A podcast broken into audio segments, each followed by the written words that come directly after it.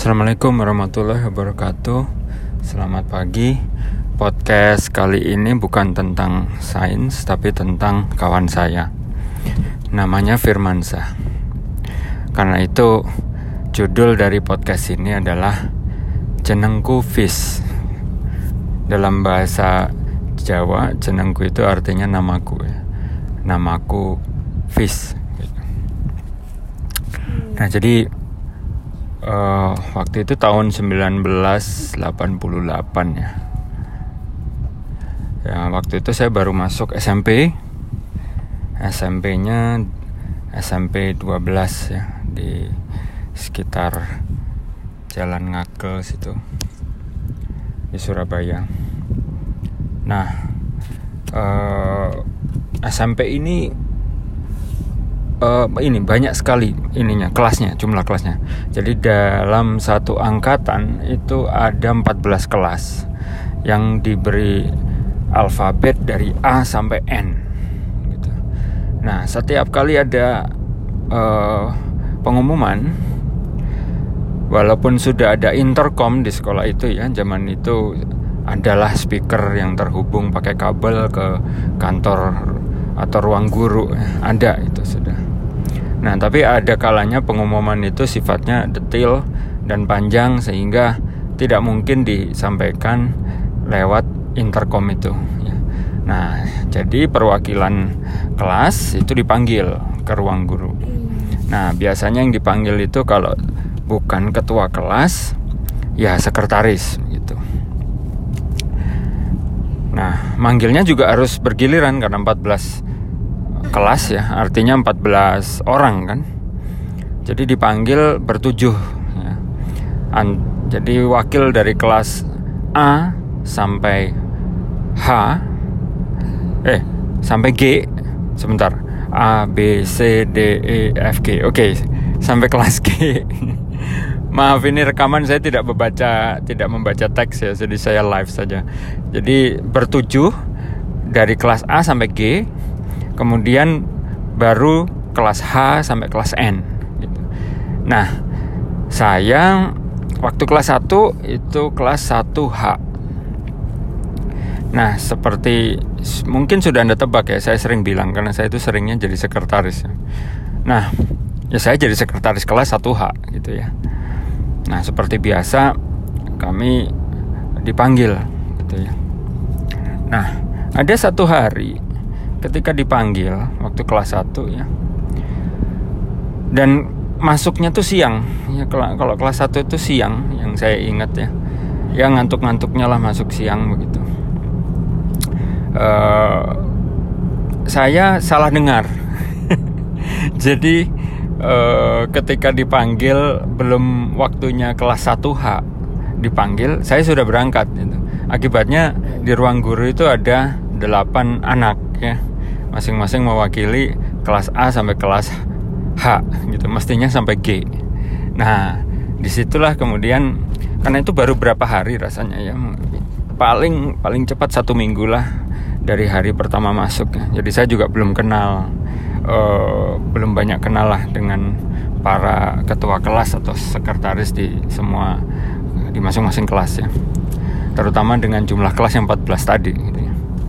nah kemudian ya karena tadi saya sudah sampaikan saya ngantuk ya. Saya tuh ngantuk saya lupa semalam sehari sebelumnya tuh saya tidur malam karena nonton apa lupa.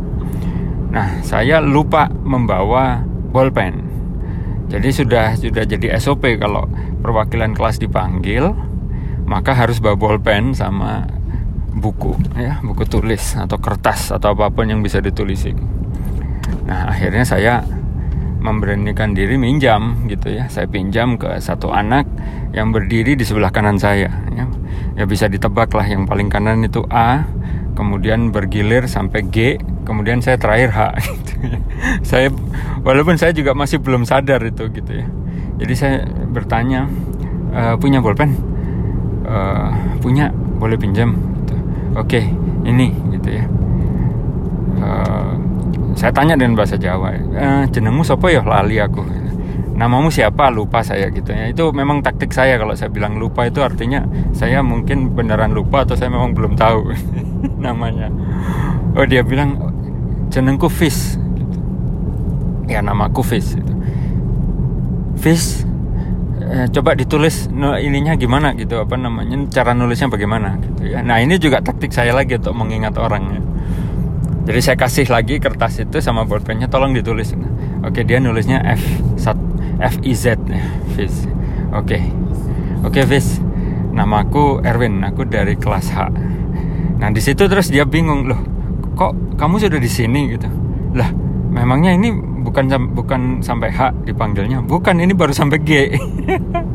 Jadi ya sudahlah saya bilang dah nggak usah nggak usah bilang nggak usah bilang-bilang udah diem aja gitu. Karena kebetulan saya lupa tentang apa ya entah tentang rambut panjang atau apa saya lupa. Yang jelas yang pidato di depan kami itu guru BP gitu ya.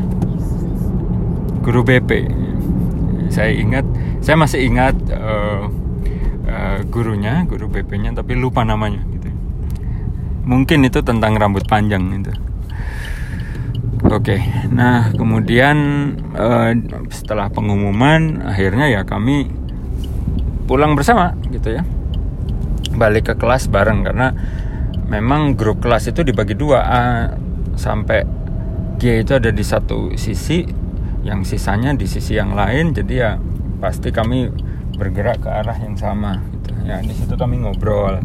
Oke okay, kelas 1 G nama saya tanya nama Fis itu nama asli bukan namanya Firmansah.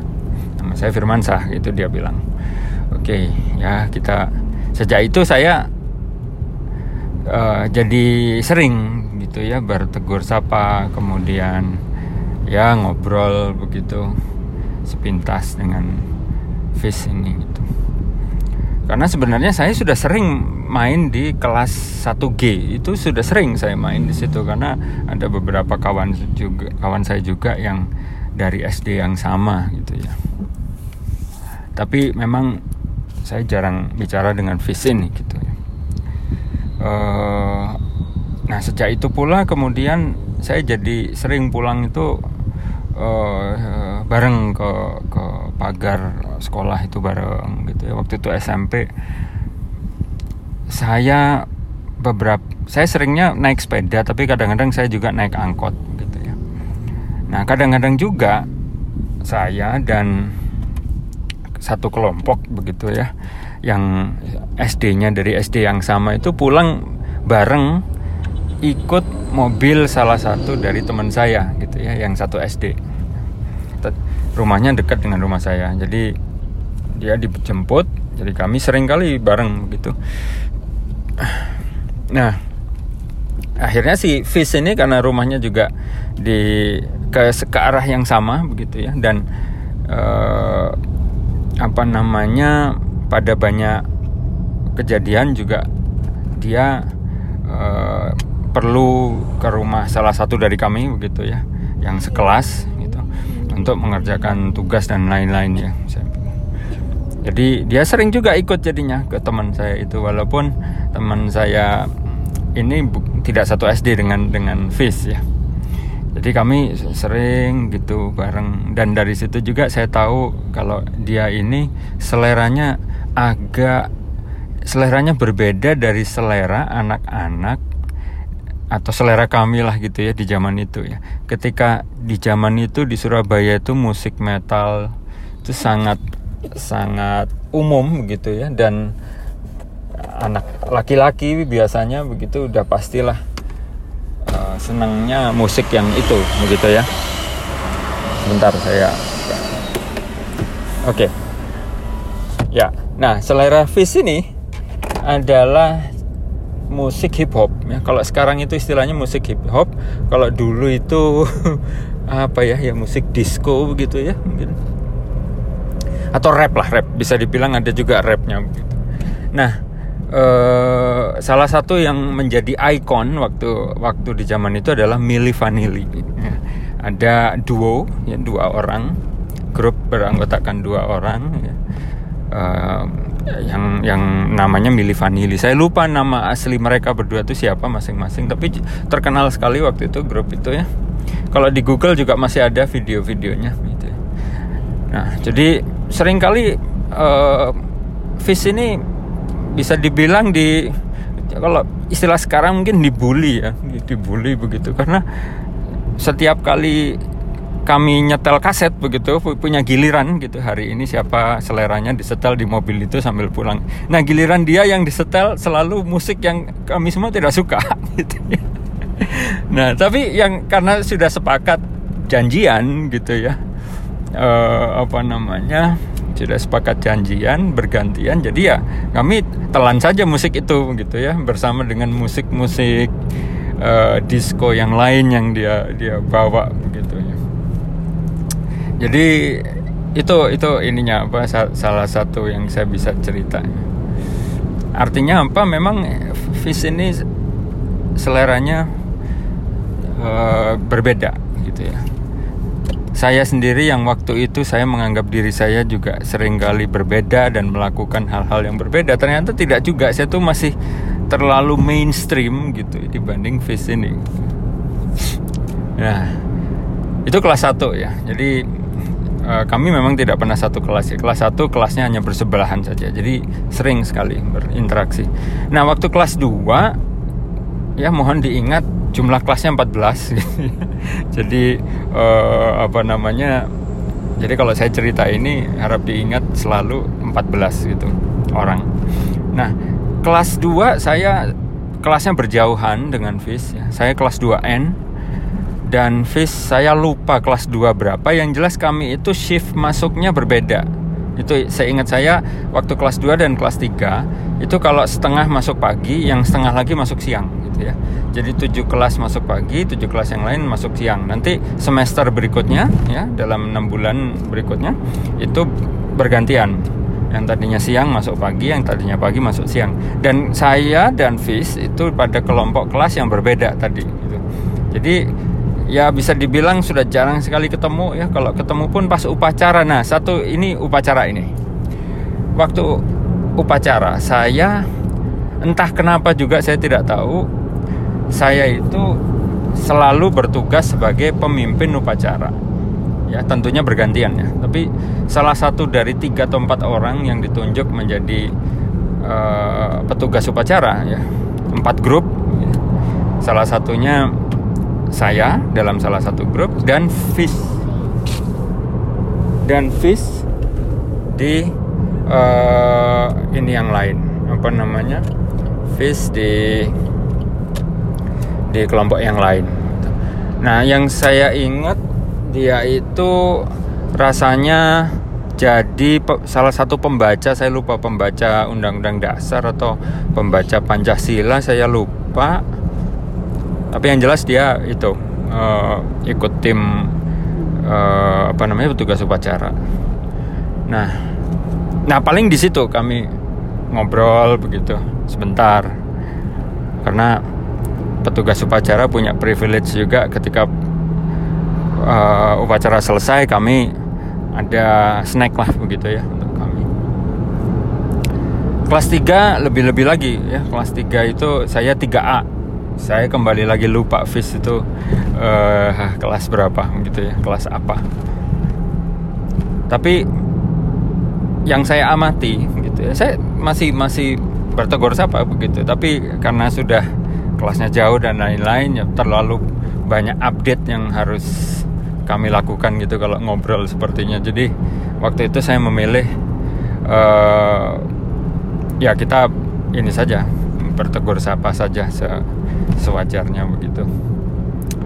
Tapi yang jelas dari sekian pergaulan yang saya masuki gitu ya.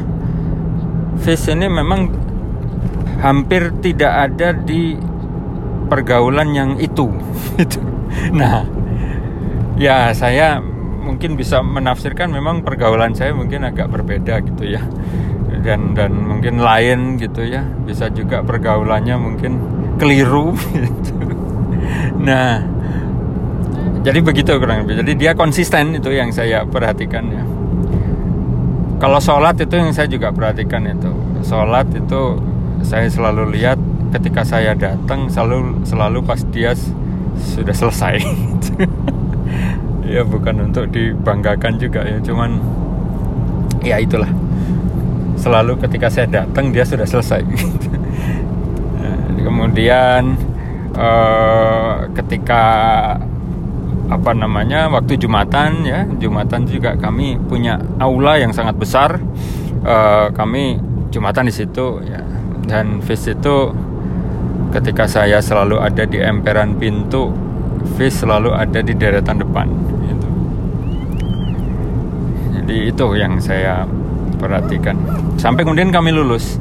Nah setelah lulus ternyata saya dan Fis sekolah di SMA yang sama ya SMA 2 di Surabaya SMA Negeri 2 Surabaya. E, kembali lagi kelasnya beda. Saya kelas 17 dia lupa saya kelas 1 berapa gitu ya. Tapi waktu SMA jadi lebih sering ngobrol ya. Uh, terutama karena kami satu SMP ya. Lebih sering ngobrol kemudian selain karena satu SMP jumlah muridnya juga tidak sebanyak waktu SMP ya.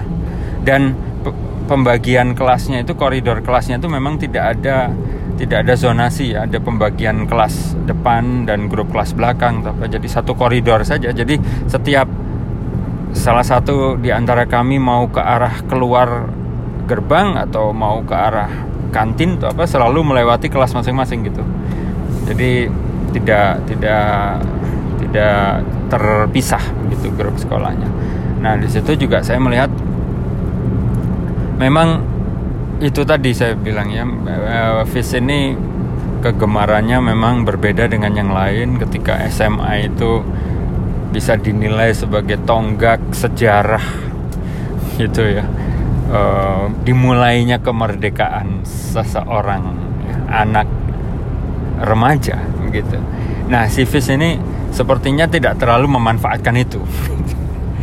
ya, ya bisa ditebak lagi saya berada di lingkungan yang berbeda begitu ya. Uh, saya berusaha masuk ke berbagai lingkungan yang ada, tapi seperti waktu SMP yang saya ceritakan tadi, memang FIS itu uh, hampir tidak ada di setiap kerumunan yang saya datangi gitu. Jadi memang uh, konsisten ya, konsisten dan belakangan waktu kelas 2 juga saya tahu dia penggerak uh, ini kelompok ilmiah remaja lah ya zaman dulu itu. Saya lupa nama di sekolah saya itu apa nama klubnya ada saya ingat saya ada ada singkatan MBI ya, masyarakat masyarakat baca ilmiah sepertinya. Masyarakat baca ilmiah yang yang apa namanya yang dianggotai salah satunya oleh fish gitu. Nah si fish ini akibatnya uh, memang kemudian punya ketertarikan sendiri ya di bidang akademik ya. Waktu itu saya belum belum terlalu lah berpikir akademik. Jadi ya saya memang senang main senang berteman begitu ya. Nah kalau fish memang sudah terlihat uh, ke arah akademik gitu teman-temannya juga yang satu grup di MBI itu kebetulan saya juga berteman dengan mereka juga. Jadi saya tahu uh, apa yang mereka lakukan gitu. Kemudian apa yang dilakukan Fis apa yang dilakukan Fis untuk teman-temannya itu saya saya tahu. Walaupun timbul tenggelam begitu karena uh, aktivitas memang banyak dan pergaulannya memang berbeda. gitu nah jadi sampai SMA kesimpulan saya yaitu ya, bahwa Fis itu konsisten dengan apa yang dia kerjakan ya jadi kalau kemudian saya baru tahu dia masuk ke lingkungan akademik menjadi dosen, maka lebih yakin bahwa Fis itu memang konsisten saya. Gitu ya. Cuman memang setelah SMA saya tidak tidak kontak lagi ya, tidak kontak lagi karena saya langsung setelah lulus SMA itu beberapa minggu kemudian saya melanjutkan uh, langsung di Bandung ya. Jadi saya itu kursus bimbingan belajar dan lain-lain itu di Bandung sampai akhirnya UMPTN itu. Saya di Bandung sampai lulus sampai hari ini saya tidak tidak pulang lagi untuk bekerja atau tinggal di Surabaya lagi begitu. Nah, ada satu kejadian di waktu SMP ya. Ingat waktu saya cerita uh, bahwa selera musiknya itu selera musik disco ya waktu itu. Nah, kira-kira kapas kami kelas 3 gitu ya atau kelas 2 lupa saya. Jadi grup Mili Vanilli itu yang yang diidolai oleh Fish itu ketahuan melakukan lip sync. Jadi grup ini rupanya baik di panggung maupun di rekaman itu melakukan lip sync. Jadi ada orang lain yang bernyanyi untuk mereka dan orang yang yang bernyanyi untuk mereka ini memang sudah di di apa namanya sudah diekspos juga begitu ya. Jadi sudah terbuka ininya kedoknya. Nah saya ingat waktu itu uh, Fish sempat sempat ini sempat kecewa begitu ya. Kecewa begitu bahwa grup yang di yang diidolai gitu uh, ternyata lip sync gitu ya. Jadi waktu itu sempat menjadi bahan bahan ini juga bahan tertawaan oleh kami begitu ya. Uh, tentang itu gitu kok bisa sampai kecewa sedemikian rupa begitu tapi waktu itu ya zaman SMP kami tidak tidak terlalu memperpanjang itu ya untuk gurauan-gurauan sesaat saja. Nah, lanjut ya, pas lulus SMA itu tidak tidak ada kontak sampai akhirnya saya lupa setelah lulus saya banyak membantu dosen begitu ya bekerja. Nah, waktu itu saya sering ke departemen transmigrasi itu setelah lulus itu. Nah di salah satu kesempatan saya itu naik kereta kan sudah pasti zaman dulu naik parahyangannya. Nah di Gambir itu saya melihat orang yang yang saya tidak akan lupa Fis itu mukanya saya tidak lupa walaupun tidak bisa dibilang raut wajahnya itu unik ya raut wajahnya sih mungkin bisa dibilang sama dengan masyarakat Indonesia umumnya ya yang lain. Tapi ada yang tidak bisa saya lupa begitu. Ingat selalu saya. Nah saya kejar. Sepertinya kok orang ini fish begitu ya. Saya kejar. Kemudian saya ini saya apa namanya uh, sapa begitu saya panggil. Dan benar ternyata Firman di situ kami walaupun waktunya pendek sekali karena dia mau berangkat saya baru datang. Uh, akhirnya kami saling ini uh, kasih nomor telepon berjanji janjian untuk nelpon begitu ya. Yang kemudian saya lupa begitu. Walaupun saya ingat nomornya saya simpan. Waktu itu belum zaman handphone ya jadi yang namanya nelpon tuh memang tidak seinstan sekarang. Tinggal buka saku terus pencet tombol ya. Waktu itu handphone belum banyak ya masih ya masih jarang hampir tidak ada lah orang pegang handphone itu. Orang hanya orang khusus saja yang pegang handphone. Nah uh, kemudian kami lupa. Saya lupa dia lupa juga ngontak saya gitu ya. Kemudian ya sudah selesai. Sampai kemudian saya melihat pengumuman ya Fis sebagai profesor termuda di UI kemudian diangkat menjadi dosen begitu ya kemudian lanjut menjadi rektor di Paramadina gitu. Nah, di saat itulah kemudian di event yang man di tahun yang mana saya juga lupa akhirnya kami terhubung lagi. Saya jadi punya nomor handphone beliau gitu ya. Face saya punya nomor handphone Face gitu.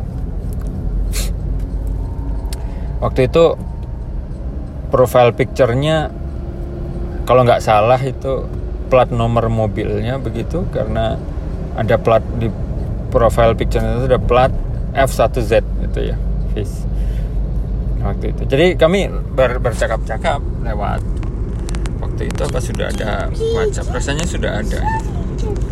Nah bercakap-cakap casual saja tidak terlalu dalam. Karena memang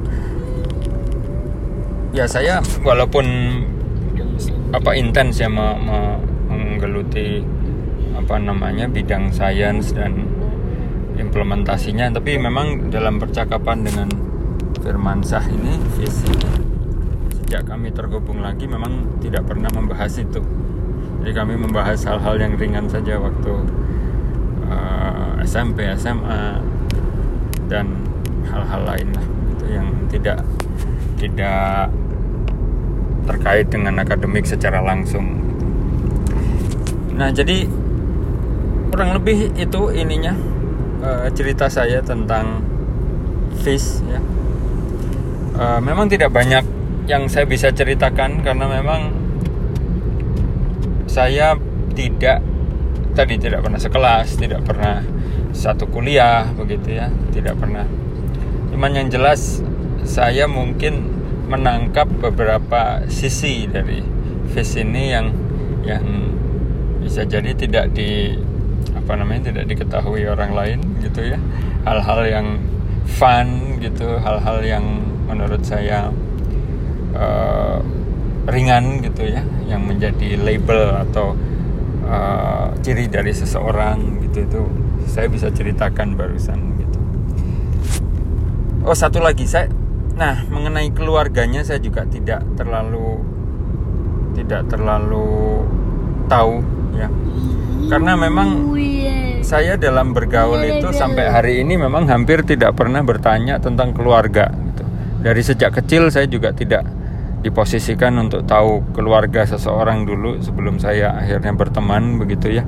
Jadi ya saya berteman berteman saja. Kalaupun ada fakta dalam keluarganya yang saya juga baru tahu misalnya itu saya dapatkan dari bacaan atau mungkin ada teman lain yang cerita begitu sih. Tapi yang jelas saya tidak pernah bertanya langsung gitu ya. Kecuali yang bersangkutan cerita.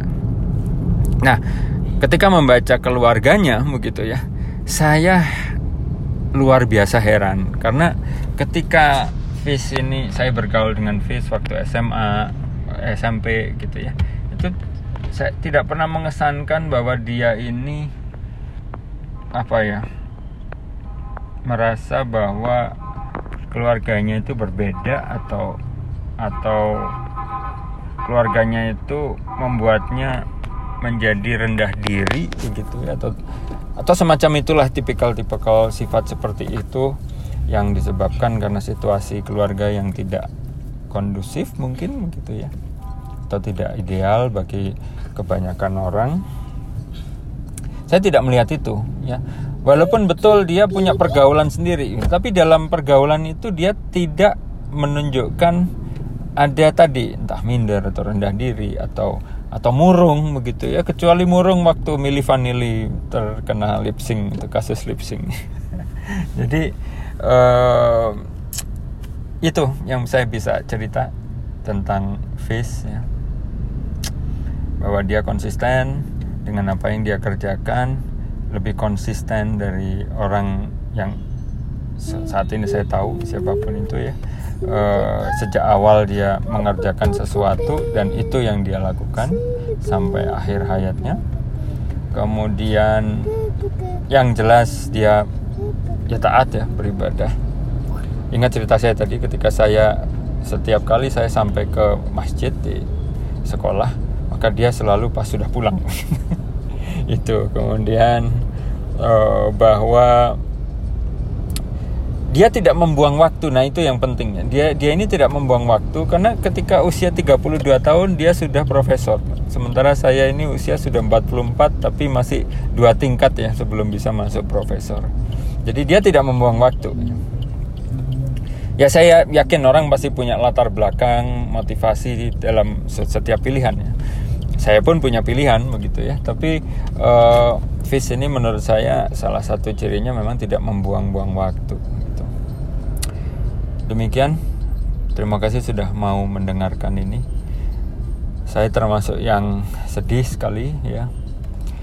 Uh, di balik cerita saya yang terkesan apa gembira begitu ya tentang fish ini. Tapi saya sedih sekali uh, karena makin banyak juga orang-orang yang di sekitar saya yang saya kenal ya dengan berbagai sebab itu sudah wafat ya meninggalkan kita.